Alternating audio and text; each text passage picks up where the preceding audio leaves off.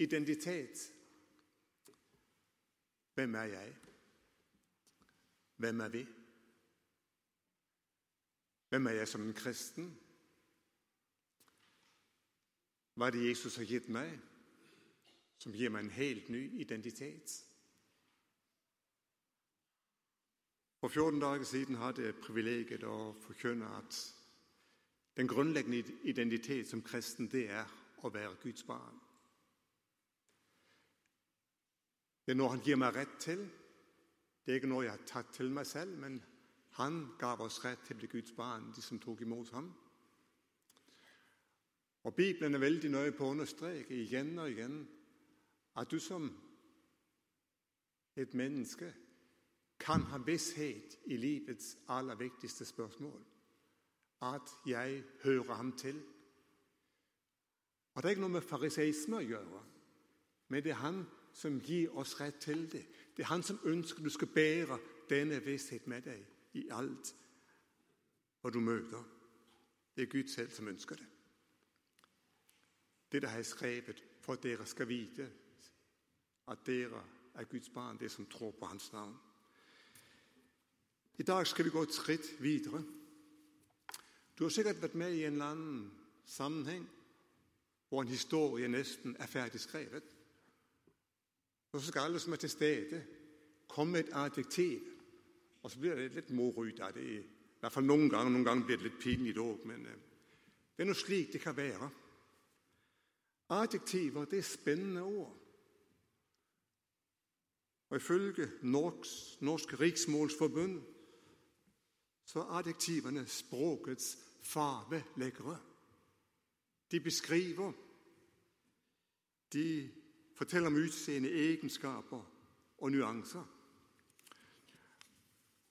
Guds barn, hvilket adjektiv skal på den aller beste måte beskrive hva det er Guds barn? Og Nå skal vi få det første skriftordet opp.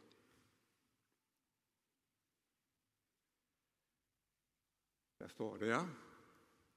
Det første det skal vi ta på et senere tidspunkt. Ha Gud som forbilde. Men så kommer det viktige. Dere som er Hans elskede barn. Dere som er Guds elskede barn. Det kunne vært valgt mange andre ord til å beskrive oss som Guds barn, Guds lydige barn, Guds snille barn, Guds gode barn. Men Paulus velger det her.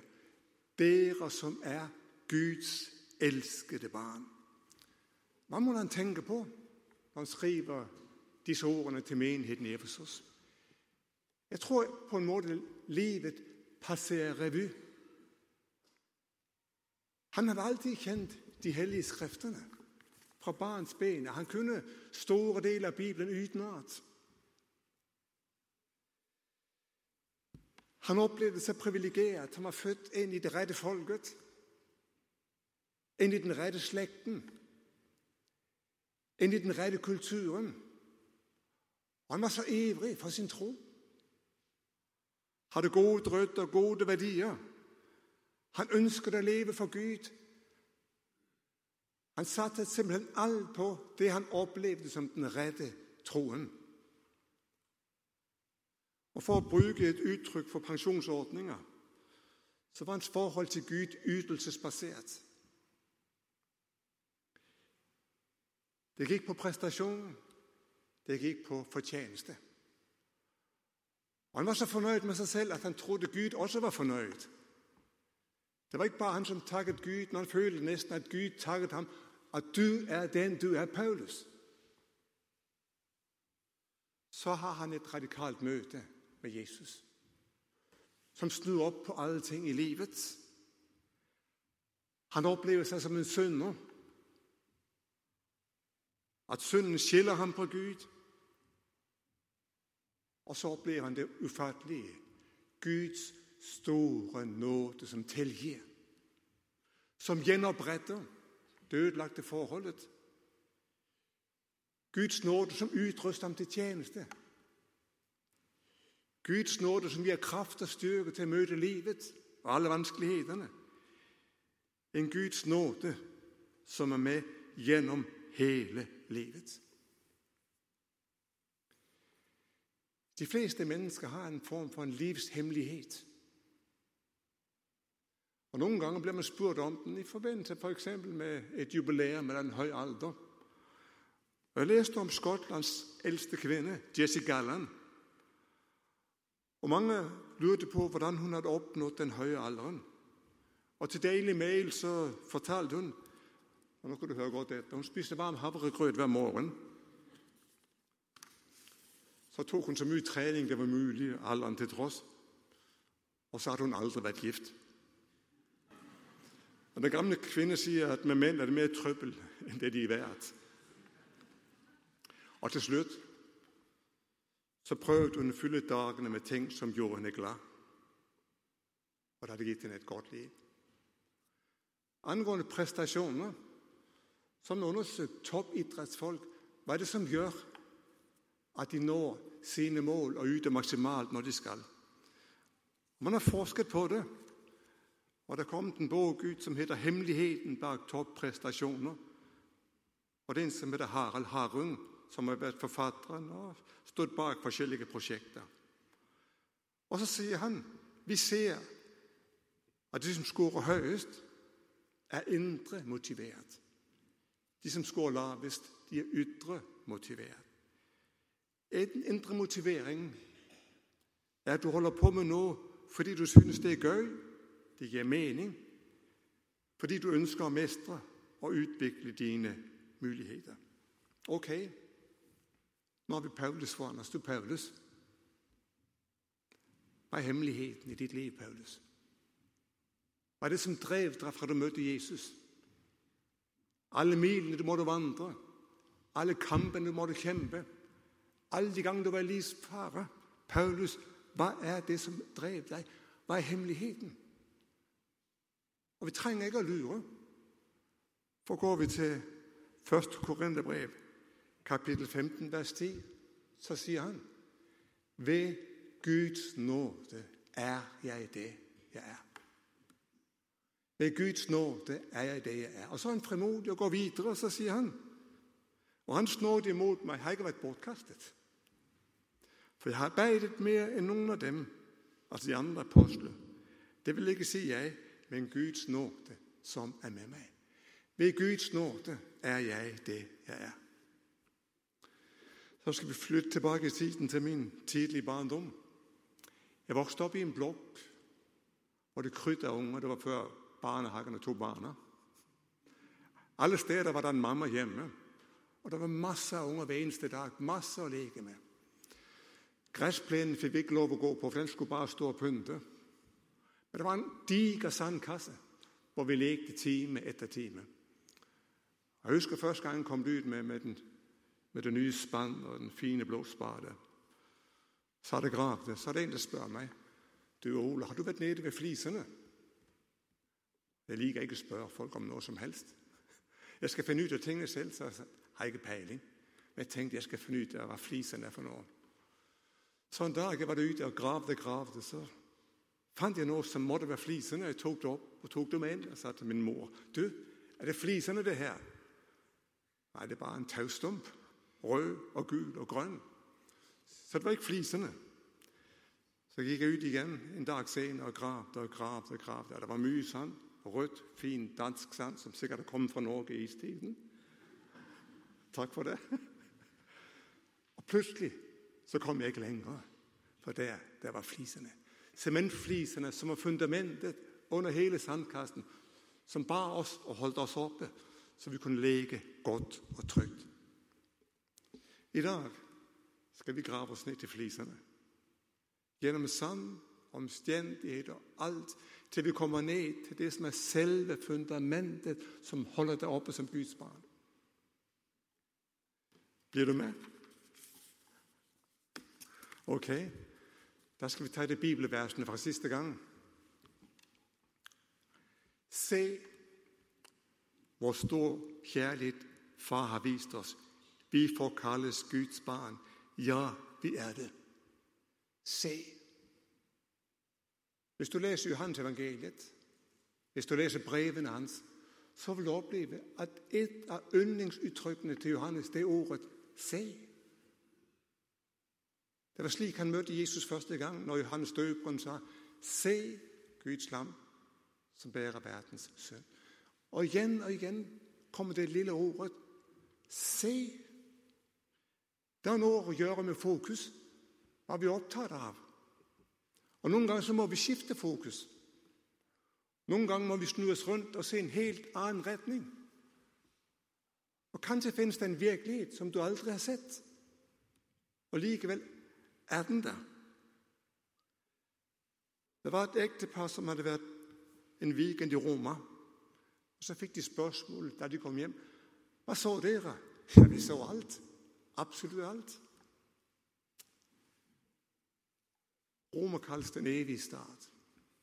Den har en alder på 2700 år.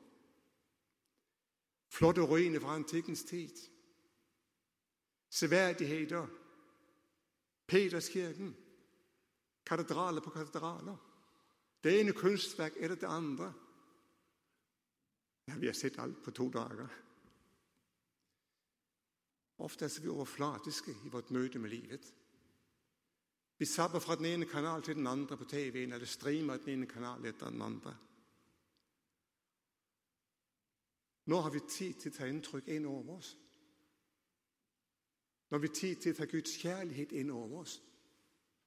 Nå har vi tid til å fokusere på det. Se, se en gang til her i formiddag. Stans opp. Guds store kjærlighet. Det var en munk i middelalderen som annonserte at neste søndag kveld ville en tale om Guds store kjærlighet. Da skyggene falt på og lyset ikke lenger kom inn i kirken, samlet menigheten seg.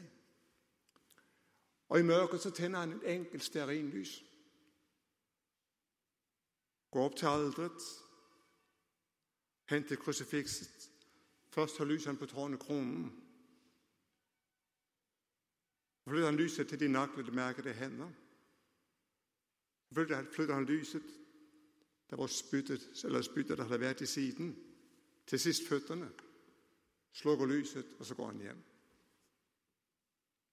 Se Guds store kjærlighet.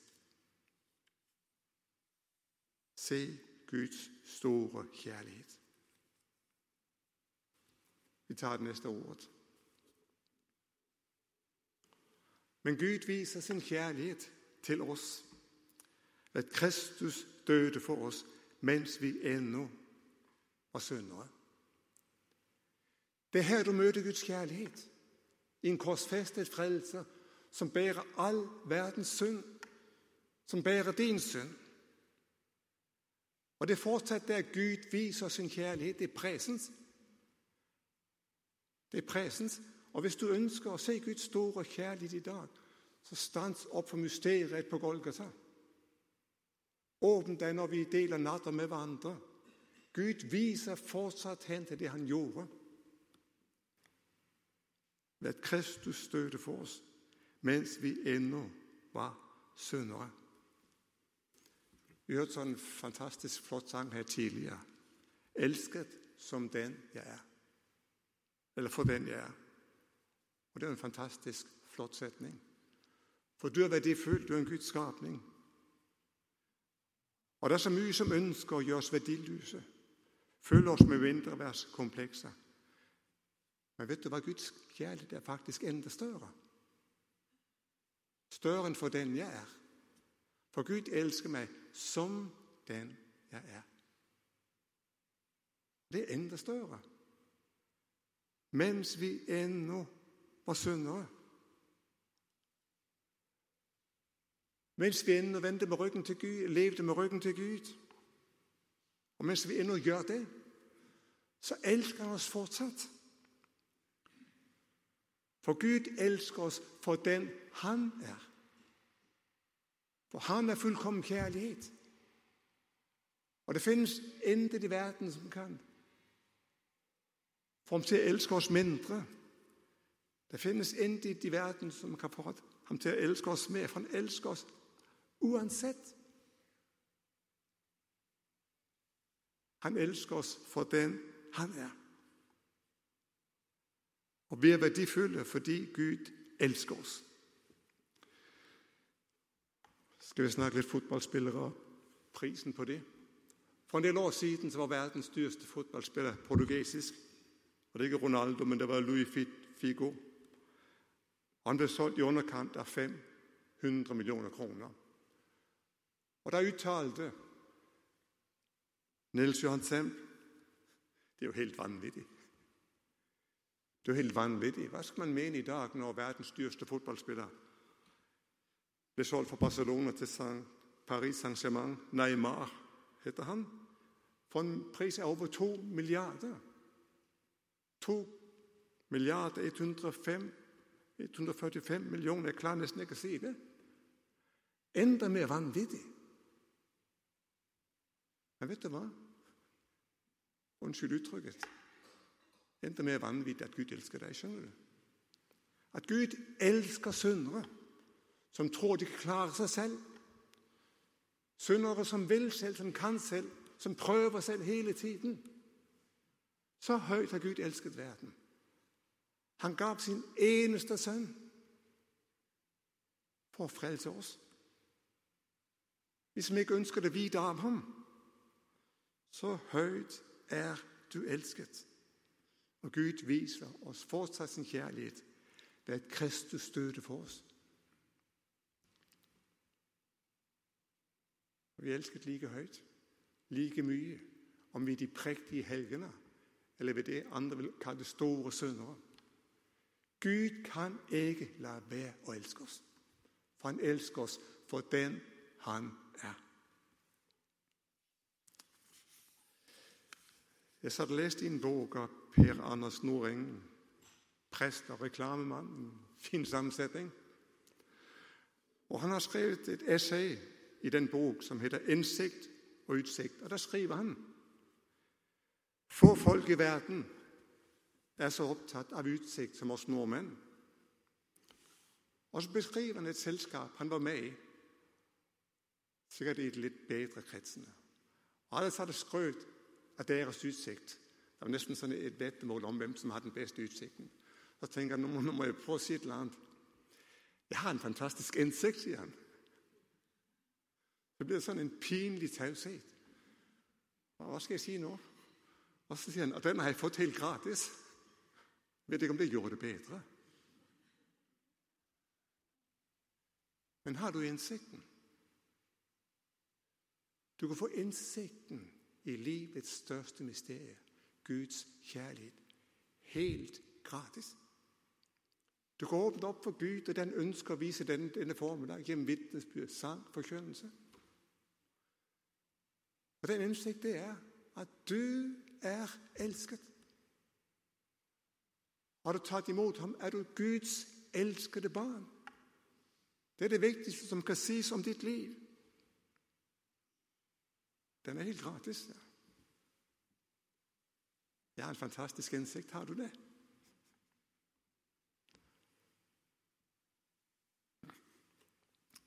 Guds store kjærlighet den har fire dimensjoner.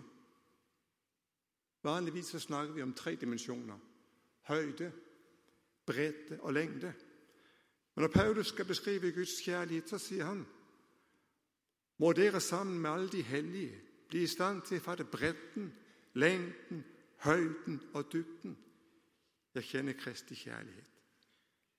Bredden og Nå gjentar jeg meg selv, men det er jeg trett av. Ikke når det gjelder Guds store kjærlighet. Den favner en hel verden. Absolutt alle mennesker. Vi differensierer. Vi deler mennesker opp i forskjellige kategorier. Men Gud elsker absolutt alle. Også meg. Lengten. Det var like før påskehøytiden, Johannes 13,1. Og Jesus visste at hans time var kommet da han skulle gå bort fra denne verden til Faderen. Han hadde elsket sine egne som var i verden. Og så kommer det. Og han elsket dem helt til det siste. Helt til det ytterste. Og der sitter de. Det er Judas. som skal forråde ham om noen få øyeblikker. Der sitter Peter, som i løpet av morgenstunden skal fornægte ham. Der sitter gjengen, som skal flygte. Der sitter de, som ikke skjønner det minste av hvem han egentlig er. Så står det han elsker dem helt til det siste, til det ytterste. Helt inn i døden. Lengden, ja, det er at han utholder alt, tror alt, håper alt, tåler alt. Kjærligheten tar aldri slutt. Dybden, ja, den går dybere enn noe mennesker har falt.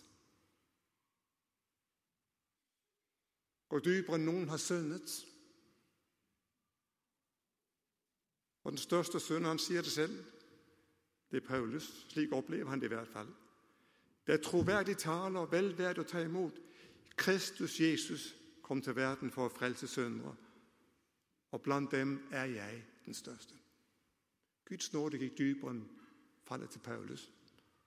Og han skriver senere da synden var stor, ble nåden enda større. Det er ingen der kan falle så dypt at ikke nåden går lenger ned. At ikke kjærligheten går dypere. Det er dybden, høyden. Kjærligheten er den sterkeste makt. Den overvinder alt. Den overstiger de største hindringene. Så tar vi neste ordet. For jeg er viss på at verken død eller liv, verken engler eller krefter, verken det som nå er, eller det som kommer, eller noen makt, verken det som er det høye eller det dype, eller noen annen skapning, skal kunne skille oss fra Guds kjærlighet i Kristus Jesus, vår Herre.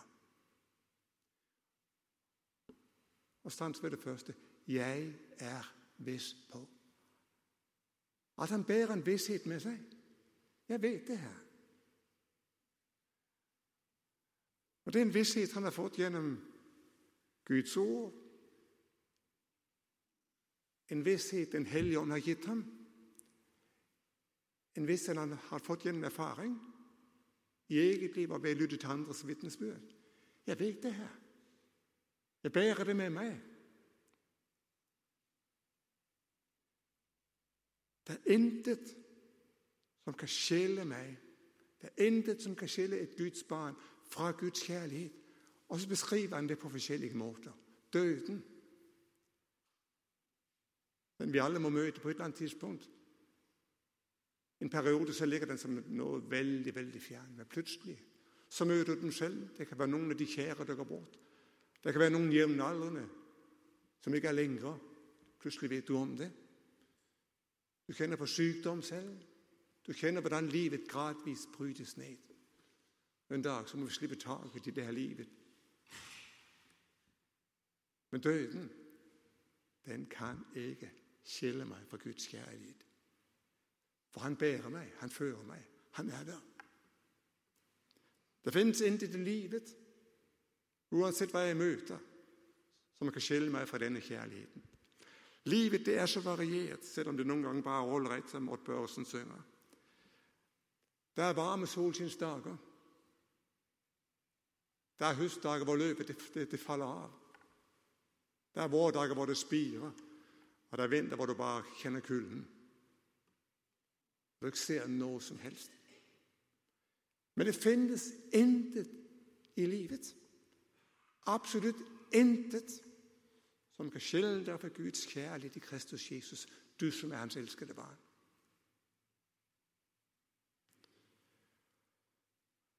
Selv ikke den gode dagen for den gode dagen kan rumme muligheten til å bli håndmodig og si 'jeg klarer meg fint uten Gud'. Men selv da vil hans kjærlighet være der. Så taler han om makter, om krefter. Jødene hadde sine tanker om forskjellige krefter. Grekerne og romerne hadde sitt verdensbilde med mange makter og myndigheter. Og Bibelen taler om åndskrefter som er virkelige. Men uansett om de er virkelige åndskreftene, eller de er innbilde, Der finnes ingen makt som kan skille deg fra Guds kjærlighet. Jeg er viss på det, sier Paulus. Og det finnes intet i nåtiden. Det finnes ingenting i dag av det jeg skal møte. Det finnes ikke noe av det du skal møte i morgen i fremtiden. Om det er én dag, to dager eller hundre år hvis du lever så lenge. Det finnes absolutt intet av det som kommer imot oss, som kan skille oss fra Guds kjærlighet. Uansett. Trenger ikke frykte for framtiden. Det jeg vet om den, det er at Han som er kjærlighet, er til stede. Jeg er viss på. Jeg er jeg viss på. Det er ikke så ofte man blir, får reaksjon på forkynnelsen. I hvert fall motforestillinger. Jeg kan ofte få 'tusen takk for i dag'. Det var, det, var, det var, godt å høre det. Og I Larvik hadde vi en som alltid sa 'takk for budskapet', men jeg vet hva det var for noe. Budskapet. Men eh, motforestillinger det fikk jeg en gang i min pure ungdom. Jeg har vært på sykehuset og holdt en andakt. Og tenkte hva, hva, skal, hva, hva, skal, du ta? Og jeg tar det, det safe. tar Johannes 3, 16. Og taler om Guds kjærlighet. Så var det en god kristen bror etterpå som tok meg litt til side. Han syntes jeg var altfor lite radikal. Altfor lite radikal. Og jeg var litt ung og naiv, så jeg visste ikke hva jeg skulle svare. Jeg tok det med jeg skal tenke over det, sa jeg. Men vet du hva? Det mest radikale i Bibelen, det er Guds kjærlighet. Det finnes intet som er mer radikalt enn at du er elsket. Det er det som gir deg verdi. Det er det som bærer deg. Det er det som gir ny kraft og styrke. Om Gud er langt borte, og ikke du ser ham, og ikke du føler ham, du er elsket. Selv avstand kan ikke skille deg fra hans kjærlighet.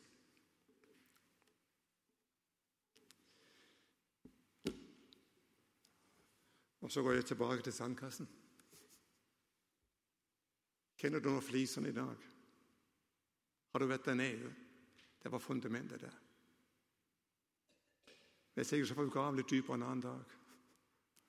Og i fellesskap kom ned til det som holder, det som bærer, det enda som bærer. Det er Guds nåde. Jeg skal si det holder. Det holder uansett. Så kan du tenke så mye om det å være en kristen og det å være Guds barn. Og Det er så mange som strever. Og Noen ganger tenker vi jeg blir Guds barn av nåde. Men etter det som er liksom gammel fortjent til både det ene og det andre. Stemmer ikke. Det er Guds nåde, og Guds nåde alene som holder, som skal holde deg fra nå av til evig tid. I alt hva du møter. Og jeg er viss på det holder. La oss be sammen.